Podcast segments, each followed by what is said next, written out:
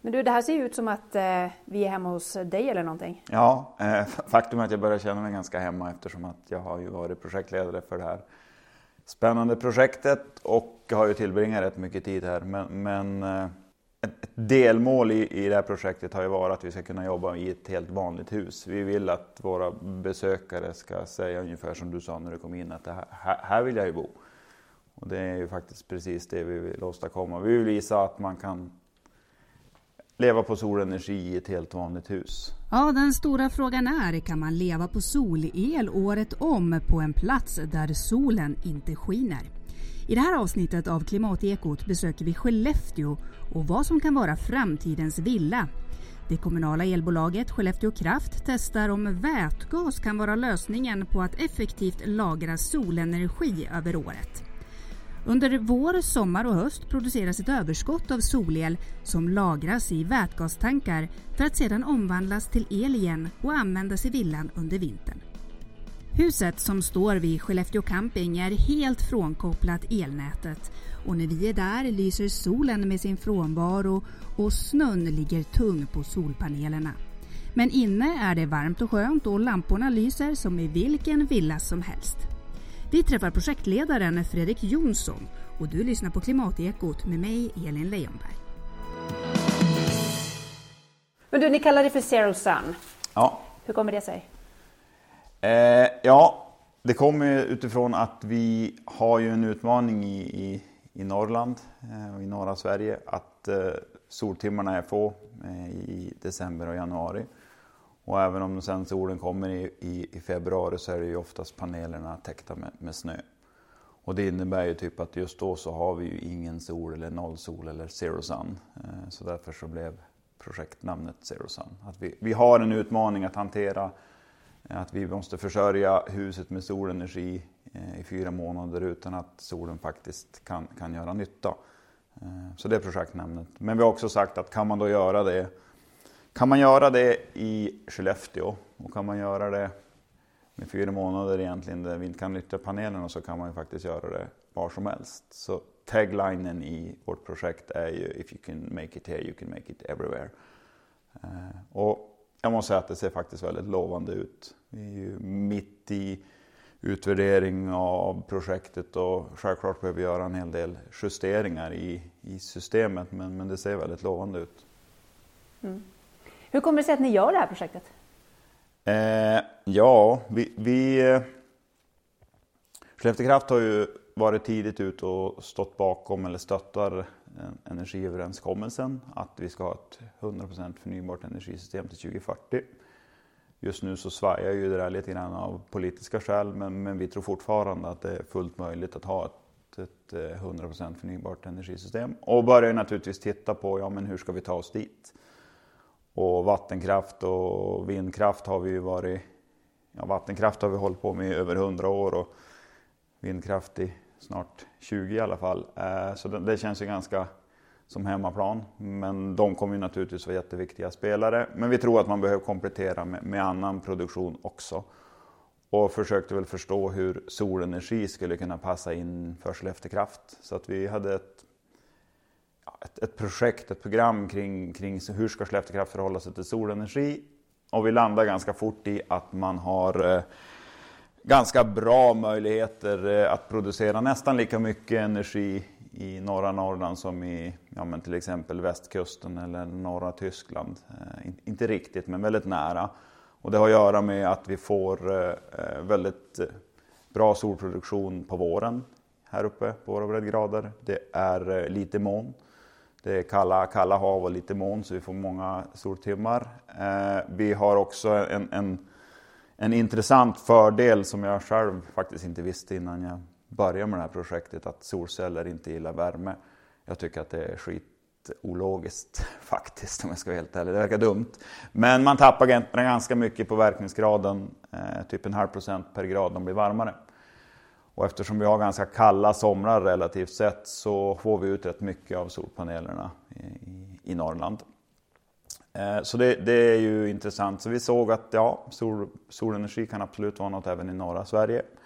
Eh, men vi såg också typ att produktionen av solenergi inte passar speciellt bra in i ett energisystem. Om ni, man tänker sig att man har de högsta förbrukningarna i, vårt, i det svenska energisystemet i alla fall på, på morgon och kväll. Eh, och solen producerar ju som mest mitt på dagen och mitt på sommaren.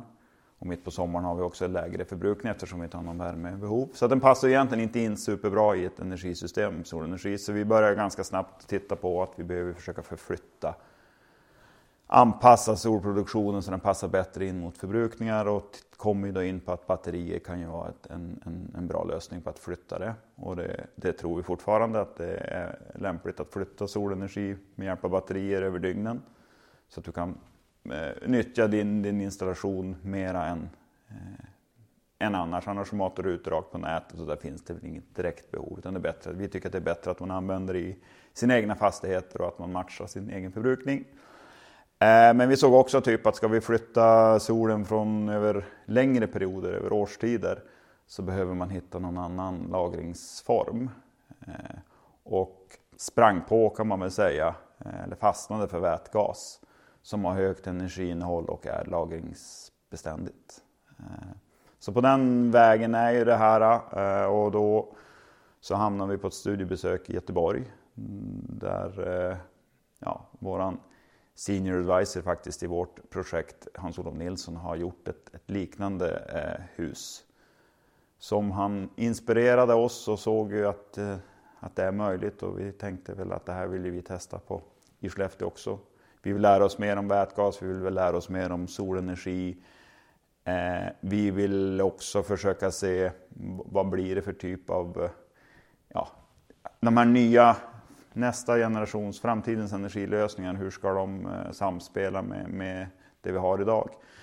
För vi som ett energibolag, vi har ju fått jättemycket frågor kring men hur tänkte ni nu att eh, göra ett, ett, hus som inte är anslutet till elnätet eller fjärrvärmenätet? Det är inte att kannibalisera på, på sig själv och ja, det är det väl förvisso. Men också eh, ett sätt för oss att kunna förbereda oss på och våra affärsmodeller på på att det här skulle kunna hända. Vi tror kanske inte att det kommer att bli, alltså det här med att vara helt off-grid, helt frånkopplad från, från el, elnätet, det tror vi kanske inte kommer att bli jättestort. Vi är ganska så säkra på att elnäten kommer att behövas, man kommer att uppskatta dem. Och vi har faktiskt världens stabilaste elnät i, i Sverige. Eh, Off-grid-lösningen drivs ju lite grann också av att man tycker att det är skakigt som, som det är. Eh, men, men, i Sverige har vi ett väldigt stabilt elnät. Men vi ser ju också att vi har en del utmaningar nu om vi till exempel ska köra alla våra fordon på el. Eller en stor del av dem kommer gå på el, tror vi. Eh, och att man, man, kan ju ha hört talas om att de här större städerna redan idag har problem med effekt, att få in tillräckligt mycket kraft in i, i städerna. Och då blir det intressant med att eh, den lokala energiproduktionen, den lokala lagringen, som vi tror och tycker att eh, våra kunder ska, ska ha i, i framtiden, att samspela de här systemen. Och det är väl lite grann där vi är just nu och försöker förstå. Förutom att vi, vi försöker att lära oss att förstå tekniken och utveckla den så att, den blir, att det är driftsäkert och så vidare. Så försöker vi också fundera på vad blir det för samspel mellan lokal energiproduktion, lokal lagring och de befintliga eh, centrala energisystemen idag. Så att eh, där någonstans är det. Vi vill eh, lära oss att förstå och utveckla de här nya modellerna. Sen finns det konkreta situationer där man kan tänka sig att eh, elnät med väldigt få användare eller någonting sånt här kanske skulle vara mer kostnadseffektivt med en lokal energilösning än, en, en, en lång elledning. Det finns mycket backup-drifter som du skulle kunna tänka dig med de här typerna av lösningar. Att få ännu mer störningsfri eh, energiproduktion och leverans. Och när du pratar lokalt, är det då de här typen av mikronät? Liksom? Att man går ihop med sina grannar eller hur tänker du i dig att det kan bli? Eh, ja, alltså om vi tar systemet som sådant eh, så i dagsläget så, så, tror vi kanske inte att det är en, en enskild villa som tar ett sånt här system utan ska du få ner den till en vettig kostnad så, så, så snurrar du fort in i det som vi också ser komma med de här med delningsekonomier och sharing, car sharing till exempel skulle kunna växa och man kanske också skulle kunna dela på en sån här typ av anläggning, eh, ett kvarter till exempel. eller bostadsrättsförening eller någonting sådär där man kan ha sina solceller på taket och trycka överskottet i någon slags lagringsutrymme. Eh, fortfarande så tror vi att man är som sagt ansluten till elnäten men att en del av den här produktionen skulle kunna, kunna göras mera lokalt. Eh, ja, så att, så att eh, återigen, vi tror inte mycket på att ett helt frånkopplat eh, microgrid eh, men vi tror att de ska samverka. Det är väl där vi, vi vill vara. Men du ser inte framför dig en framtid där alla hus, eller många hus, har en sån här lösning? Eh, ja, alltså, jag, jag, som sagt, jag, jag, tror att egen produktion eh, och egen lagring kommer att vara en, en, en del i, i, framtiden. Det, det, är sannolikt. Så. Men jag tror inte att de är helt frikopplade utan jag tror att den här, alltså, att vara 100% självförsörjande det, det tror jag inte blir varken kostnadseffektivt eller det vi faktiskt, eh, den moderna människan, att de riktigt vill ha det så är jag inte, inte helt övertygad om. Utan jag tror att vi ska samspela de här systemen. Eh, för vi har faktiskt i, i Sverige, jag menar, vi har i princip världens grönaste energi, vi har världens lägsta elpris och vi har världens stabilaste elnät. Så drivkraften är inte riktigt lika stor eh, egentligen i, i, i Sverige eh, än vad det kan vara på andra håll i världen.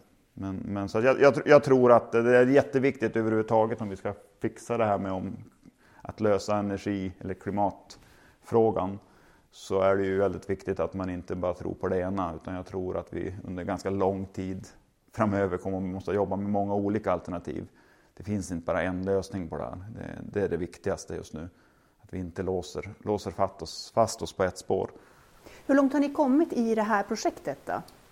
Ja, det här är väl e-, egentligen så är det här eh, första vintern där vi får testa. Eh, eh, vi har ju producerat vätgas, vi har kört kost, korta stunder med vätgas, alltså tagit det från vätgas och till el, tillbaka till el igen. Vi kan prata mer om tekniken sen. Men det här är första vintern som vi kan göra en längre test av att leva eller köra vätgasen eh, och omvandla till el. Så det är första vintern. Vi har ju hållit på i två och ett halvt år eh, med det här projektet. Så det har egentligen gått väldigt snabbt, får vi väl, tycker vi själv, utifrån en, en snabb beslutsprocess. Eh, Konstruera, dimensionera ett energisystem som det inte finns svaren på. Eh, har vi jobbat på ganska fort och utmaningarna har också varit precis det när vi jobbar med, med ja, konsulter och även våra egna experter. Är att svaren inte finns där. Det är ju naturligtvis jätteroligt projekt men också utmanande att man faktiskt inte vet vad det är man ska rita, eh, konstruera. När vi packar ur kartongerna så vet inte de som monterar vad det är de, vad de får, har fått för någonting. Det tar lång tid innan man upptäcker en missad leverans eller någonting sånt så det har, det har varit en utmaning. Men, eh, nu har vi fått köra den första långa testen av att använda vätgas på vintern.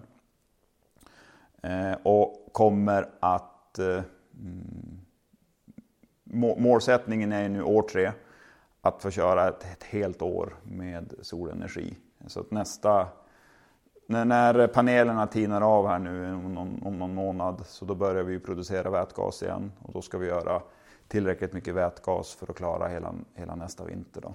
Eh, och då har vi väl nått vårt, vårat treårsprojektsmål att kunna kunna bevisa. Vi vet ju faktiskt inte riktigt om det här går.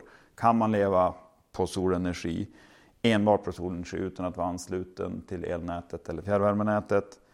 Kan man göra det i ett vanligt hus, eh, vilket vi tycker har varit viktigt i, i det här. Som, som, som vi ser så har vi eh, inte gjort några specialanpassningar för eh, lågenergi utan det här är ett standardhus eh, från vår partner A-hus. Så att alla som eh, besöker det här huset och blir inspirerade skulle kunna gå hem och beställa huset. Vi har inte gjort metertjocka väggar eller små, små, små fönster. Som du ser så är det ju ganska mycket glaspartier och ur ett energiperspektiv så är det inte eh, optimalt. Men skulle man då kunna sätta in det här i sitt befintliga hus? Eh, ja, alltså rent teoretiskt, det är inte så att det finns, det finns inte att beställa idag. Eh, utan det vi jobbar med nu det är att optimera systemet så att vi i framtiden skulle kunna ha det som, som, en, som en lösning. Men det är en, en del utveckling kvar för att, innan vi tycker att det här är, är redo för, för marknaden. Men det är inte allt för långt. Sen så behöver vi jobba med väldigt mycket med att optimera systemet för att få ner kostnaderna. För att kunna bygga med lite mindre batterier och, och kanske mindre gaslager. Att optimera systemet, att köra det på, på ett rätt sätt. Eh, där är det lite grann kvar att göra. Men det är ju egentligen det som projektet är inne i nu. Eh, att eh, bygga på sig erfarenhetsdata. Eh, vi pratar ju mycket om AI idag. Artificiell intelligens. Och ibland så låter det ju, höll på att säga, mer avancerat än vad det är. Jag brukar tycka att det är att digitalisera erfarenhet. Eh, det är bara det att väldigt stor mängd data hanteras kanske bättre av datorer än, än av människor. Eh, så vi behöver bygga på det här systemet med en massa erfarenhetsdata.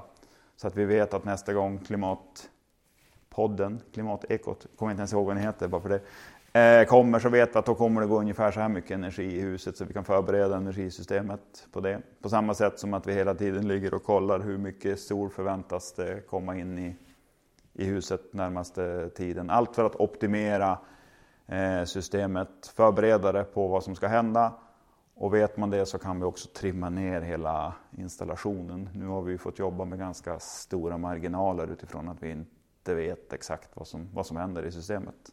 Så det är väl en utmaning. Men som sagt, ett, eh, ett standardhus har varit viktigt eh, i projektet. Att vi inte vill göra den här lågenergibunken för då tycker vi att när ni kommer på besök så tänker man ja men det är klart att det går eftersom ni inte förbrukar någon energi. Så vi, då tycker vi att vi skjuter framtiden fram, framför oss utan vi, vi jobbar med ett vanligt standardhus. Eh, det enda som inte är standard är egentligen hur, hur den får sin energi.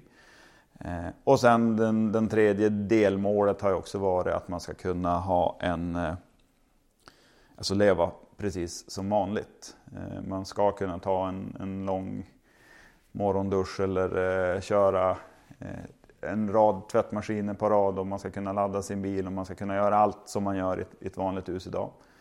Eh, man ska inte behöva ändra beteenden i det här huset. Sen är vi väl medvetna om att världen förmodligen behöver en hel del andra ändrade beteenden för om vi, ska, om vi ska ställa om.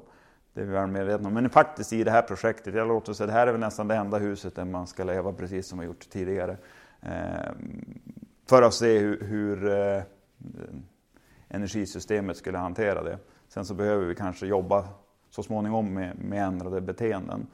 Och där tittar vi också naturligtvis på en, en en kommunikation från, från energisystemet som skulle kunna berätta att eh, om alla duschar lika länge som dig på morgonen, då kommer det att bli lite tajt här på vårkanten med energilagret. Det går ganska lätt att eh, räkna ut eh, och lite sån typ av kommunikation. Eller nu är det dags att ladda bilen för nu har vi överskott. Eller tvärtom, nu kanske vi ska ta och låna bilens batteri en stund för det ser lite magert ut i, i batteriet. Men vi slipper starta eh, bränslecellen om vi tar bilens batteri till exempel. Sådana typer av eh, funktioner, där är vi inte men vi har dem i, i vår projektplan att kunna jobba med eh, det. Och vi vill också berätta för de som bor i det här huset att, eh, hur de har påverkat energisystemet.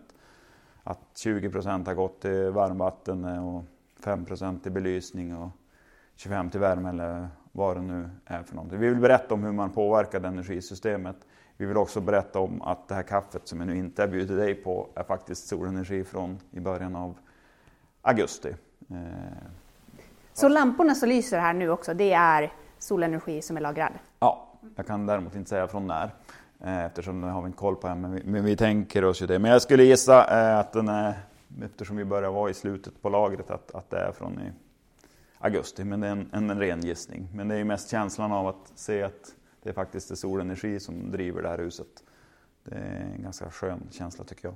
Men nu är det ju ingen som bor i det här huset. Hur kan ni då liksom göra det här testet? Går det att leva som vanligt? Eh, precis. Eh, nej men, eh, och det där har vi naturligtvis diskuterat och det är en, det är en fråga som, som vi får ganska ofta.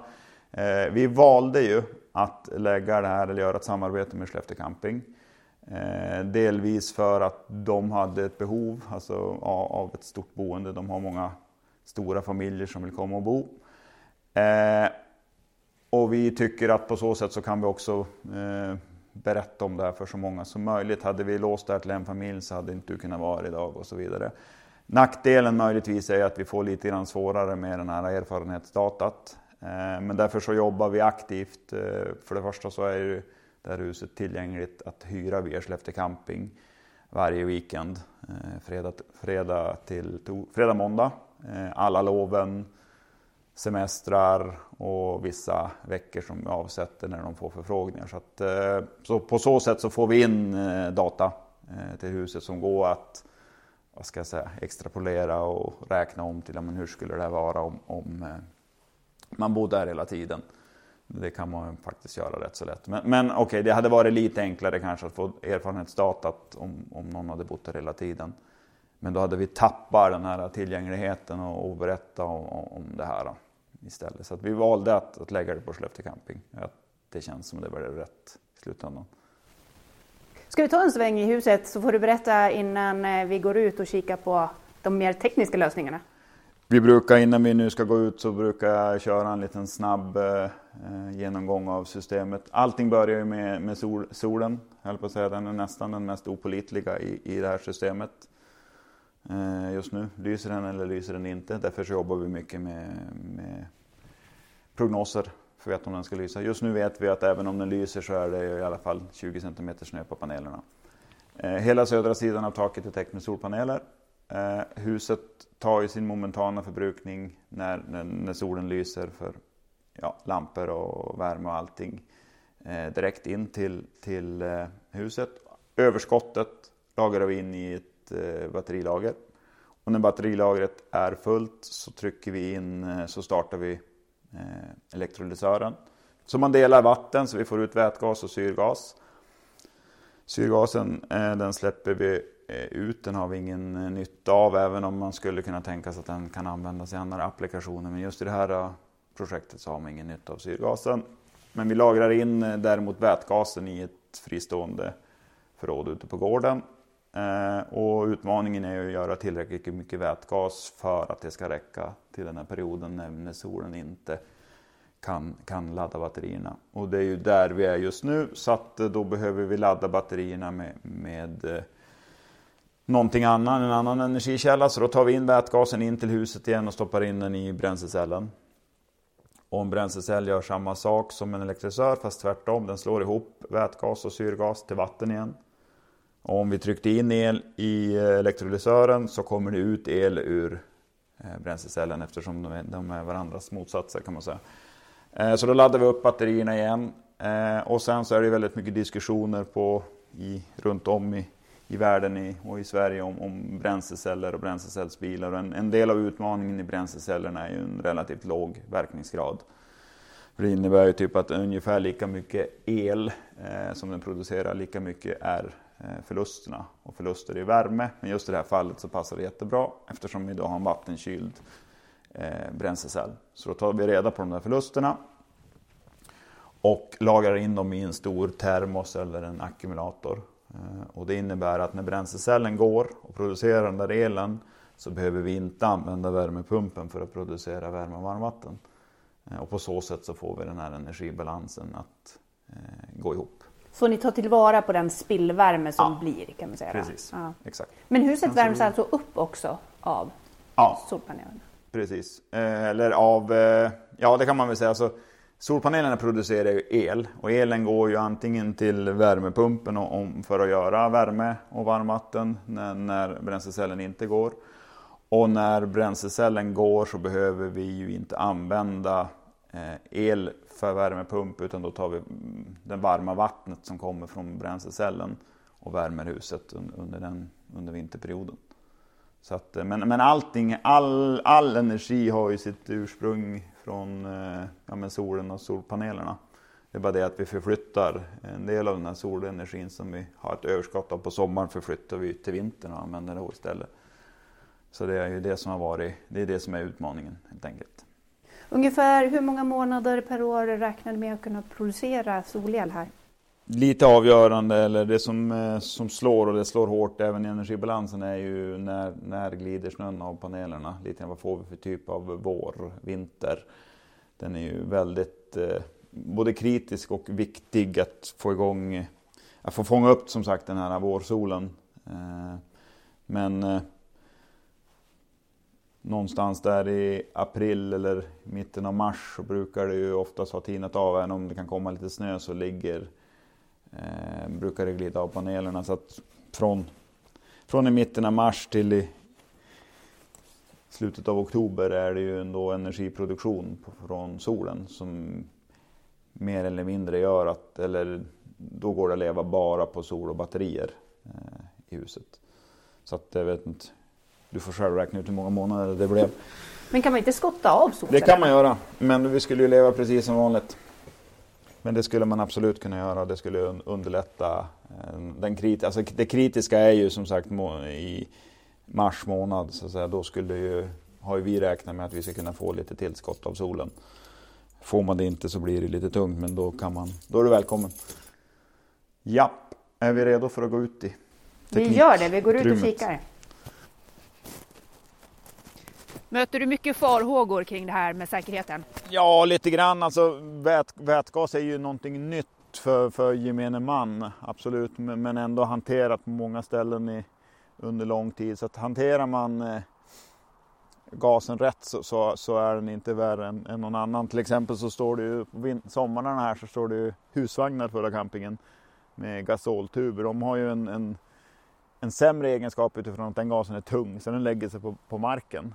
Eh, och skulle ju kunna Alltså den, om det skulle läcka ut vätgas här så skulle den dra upp i atmosfären och inte bli explosiv. Medan en gasol skulle lägga sig på marken och där skulle det också kunna hända någonting. Så att risker har vi ju i samhället men, men eh, seriöst hanterat så, så, så kan vi leva med dem. Det, det är så vi måste se det. Rätt hanterat så är den, nog inte, är den inte farligare än någon annan explosiv gas. Eh, och hela tiden så jobbar vi som sagt, har jobbat igenom alla scenarion kring att vad händer om, vad händer om och sen har vi hela styrsystemet är ju då anpassat till det. Så att det, mycket att ventilera bort är den första och sen den sista grejen är ju som sagt det vi har, jag tjatar på dig om att vi inte ska gå in med, med eh, ja, icke godkända tekniska apparater som skulle kunna skapa en gnista.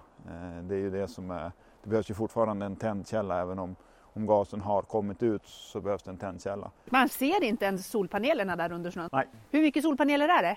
Eh, vi har, det är 70 72 stycken, det är installerat 25 kilowatt. Och hur mycket har vi dimensionerat i Ja, det det då? är alltså du, säga, en, en vanlig villa ligger väl någonstans mellan, åh, kanske ha 8 kilowatt eller någonting sånt, 8-10 kilowatt på sin höjd. Men, men jag menar, förbrukningen är ju inte mycket mer än 2 kilowatt för huset. Så vi behöver ju ett rejält överskott sommartid. Det är det vi hanterar här och det överskottet ser du ju nu här inne. Här står de, tuberna. Exakt, för här inne så har vi ju då tryckt in den där solenergi från sommaren, gjort om den till vätgas och förvarar den här nu då eh, under sommaren. Så just nu så tömmer vi någon av de där flaskorna för att eh, köra bränslecellen uppe i huset. Hur många flaskor är det? Det här är 160 flaskor. För vi måste ju göra tillräckligt mycket gas som ska klara fyra månader utan energitillskott. Men om man då ska tänka sig att man går ihop ett eh, villakvarter eller en bostadsrättsförening, då behöver man ett rejält förråd. Då skulle man behöva ett, ett större förråd, absolut. För batteripack, alltså det tog ändå inte så himla stor, Nej. stort utrymme. utan där, det är det där lagrade vi för två dagar och här lagrar vi för fyra månader. Så att om du sätter de perspektiven så är det ändå det här äh, relativt sett mindre än tre dagars, två dagars energilager inne i garaget och fyra månader, fyra och en halv här. Men hur, är, hur ligger liksom forskningsläget? Är det så att man inom 10, 20, 30 år kommer ha liksom effektiviserat det här så att det är mycket mindre batterier och mindre vätgastuber eller är det så här det kommer vara? Batter- Batterierna de, de går ju mot att de kan bära mer och mer energi. Så de skulle kunna bli kompaktare. Absolut. Eh, vätgasen behöver ju den här volymen. Gasen är, är vad den är. Eh, men däremot som, som jag menar att kan vi optimera systemet så skulle man väl rent teoretiskt kunna behöva lite mindre vätgaslager också. Men, men volymen av gas kommer att vara densamma. Sen så finns det väl förmodligen andra lagringslösningar. Det kanske inte är så här många flaskor. Det kanske är en stor flaska eller eh, nedgrävt i backen eller någonting sånt. Skulle det kunna vara. Men, men rent volymmässigt så kommer det att behöva eh, lika mycket utrymme för, för gasen i framtiden. Eh, men det är i så fall an, hur, hur vi väljer att optimera systemet som kan göra att du ska kunna använda det av mindre antal flaskor, möjligen. Eh, men hela tiden så blir det, det blir från, från fall till fall och från lösning till lösning hur, hur mycket gas ska man lagra. Och som sagt, det kanske inte är gas i alla lägen utan då kör man på e, det gamla elnätet eh, eller någonting sånt. Alltså, nivån, graden av självförsörjning får man väl fundera på hur, hur, hur långt man tar det. Eh, helt enkelt. Yes. Jag vet att du har lite bråttom så vi kanske måste... Exakt, vi skulle faktiskt behöva öka lite grann. Eh, men i princip så har du sett eh, hela kedjan nu. Vi har ju, allting börjar ju med solpanelerna. Det är där allting har sin början. Eller egentligen är det solen här uppe som är bakom molnen just nu. Eh, och sen så produceras en energi på taket. Huset tar sin första, det den behöver för, alltså på en gång, går direkt in i huset och resten tar vi till de här batterierna eh, som var det jag beskrev som en och en halv Tesla ungefär i storlek. Eh, och sen när de batterierna är fulla så då startar vi elektrolysören och trycker ut den gasen, vätgasen, ner hit till det här förrådet där vi hade 160 flaskor. Eh, och sen när batteriet inte fylls av solenergi så behöver vi fylla det med el från en annan källa. Då tar vi in vätgas och in till bränslecellen eh, och laddar upp batteriet igen. Så att egentligen så har vi hela, hela kedjan. Svårare än så här är det inte. Mm.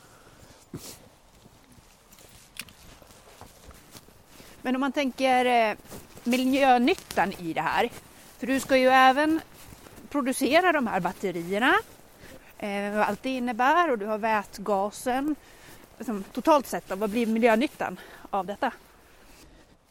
Ja, frågan är ju eh, klart eh, intressant ställd. Eh, man kan ju säga det att ni, ni som eh, har hört talas om eh, Northvolts satsning så har ju de också förstått och insett att det som är det intressanta det är ju just precis det. Hur producerar vi nu de här batterierna? Och därför har de ju valt att lägga sig i Skellefteå där vi har ja, världens grönaste energi. Eh, vi har eh, från, från våra älvar, vi har ett elnät som kunde fungera. Så de här eh, batterierna produceras ju med grön energi så du får ju direkt ett mycket bättre klimatavtryck av det. Sen så har du hela den här råvaru och mineralhanteringen som, som man diskuterar. Och här finns det väl säkert mycket att göra. Bland annat Northvolt pratar ju väldigt mycket om att eh, nära hälften ska ju vara återvunnet i, i framtiden. Eh, man är väl inte riktigt där än men jag ser det som nödvändiga steg att ta eh, kring att hitta andra energilösningar. Så att, eh, men, men, absolut så måste man ju titta på de här LCC-analyserna. Eh, Huset, eh, A-hus till exempel, de, de eh, jobbar ju mycket med trä. De jobbar med klimatkompensering och så vidare. Men så att det är ju alla kedjorna som man måste titta på. Vätgas som sådant är ju däremot rent vatten och ren sol, så den är ju en en väldigt ren energiresurs. Men, men och, och vänder man på det till, eh, ja just nu så ersätter vi, vi, vi använder oss inte av el från elnätet. Men i Sverige så har vi ju väldigt ren energi. Så den, den eh, klimatberäkningen och nyttan blir ju inte enormt stor förbättring i, i Sverige. Eh, men skulle du stoppa det här systemet nästan var som helst annars i världen så skulle du ha en fantastisk utväxling på att bara gå på solenergi. I Sverige har vi ju ett fantastiskt rent energisystem ur ett fossilperspektiv. Vi kan väl prata i bilen om du... Fick du med dig alla grejer? Jajamän, tror du det? Vad kallt det blev. Ja, det blev jättekallt. Så, sitter vi i bilen helt plötsligt. Ja. Laddhybrid. Laddad med solceller eller? Eh, nej, men med vattenkraft från eh, Skellefteå Kraft. Men om du skulle då måla upp ett scenario, ett framtidsscenario, säg 2050. Hur ser det ut då för den vanliga villaägaren och elförsörjningen? Nu, nu hoppade du ju väldigt långt fram i, i tiden. 2050 är, är ju det är långt, långt bort. Antagligen så skulle jag väl tro att vi har, jag tror att då har vi en, en central energiproduktion som är helt eh, fossilfri och helt förnyelsebar. Eh, det är jag väldigt övertygad om. Jag, jag tror att eh, i princip varje tak har någon en, solanläggning också. Eh, ska jag kunna tänka mig. Men, men att, att vi har ett energisystem som är eh, helt fossilfritt, det, det, är jag helt, helt säker på. Eh, jag tror att transporterna också är helt fossilfria. Det alltså, de, här, de här målen som ändå sätts här nu, de, de är inte ouppnåeliga. Det känns ganska sannolikt att, att vi kan nå både en fossilfri energiproduktion, fossilfri fordonsflotta Eh,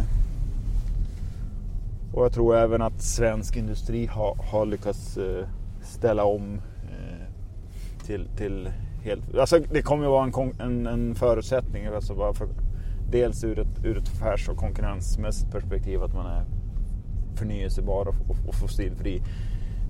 Men vi behöver ju också ha, hitta de här lösningarna för att klara klimatutmaningen. I kortare perspektivet så handlar det väl om att eh, lite grann att, att ja, sätta fart. Och det är väl lite grann det vi vill med det här projektet också. Typ att ja, nu gör vi det. Vi, vi slutar snacka och så bara gör vi det. Men hur långt bort är det att det skulle kunna hamna hos konsument då? Nej men alltså jag, jag, som, som vi har pratat om tidigare så, så, finns det ju redan nu så pågår det ju projekt där man, där man bygger det här till, till, ja, men till, andra användare än, än oss själva. Eh, inte vi har inget sådant projekt än men vi har många förfrågningar. Eh, så att, så att, eh, men, men de, de kanske gör det av lite grann andra skäl. Än, alltså det, det är fortfarande ja, som vi också har pratat om, alltså energi i Sverige är ju relativt billigt. Eh, de här systemen som just så pass, ja, de som inte är färdigutvecklade än har ju en, en kostnadsnivå som eh, inte riktigt är, är konkurrenskraftig än. Eh, men det är därför det blir intressant att bygga lite större system och utveckla dem. Så att inom ett par år som sagt så, så finns det säkert eh, intressanta case i, Sverige som man har kunnat ta ett par steg vidare. Så, så det är inte så långt från, från marknaden, det är det inte. Tack för att du var med i Klimatekot. Tack själv. Ett annat sätt att minska sitt klimatavtryck kan vara att bygga mer miljösmart redan från början. Många av er har efterfrågat ett avsnitt om just det här och nästa gång besöker vi Rundbalhuset utanför Umeå. Gräv där du står är metoden som Laura och Erik jobbar efter när de bygger sitt hus av naturnära material. Fortsätt att tipsa om ämnen och personer som du vill höra och det gör du genom ett mejl till tipsa.klimatekot.se. Tack som har lyssnat. Vi hörs i nästa avsnitt.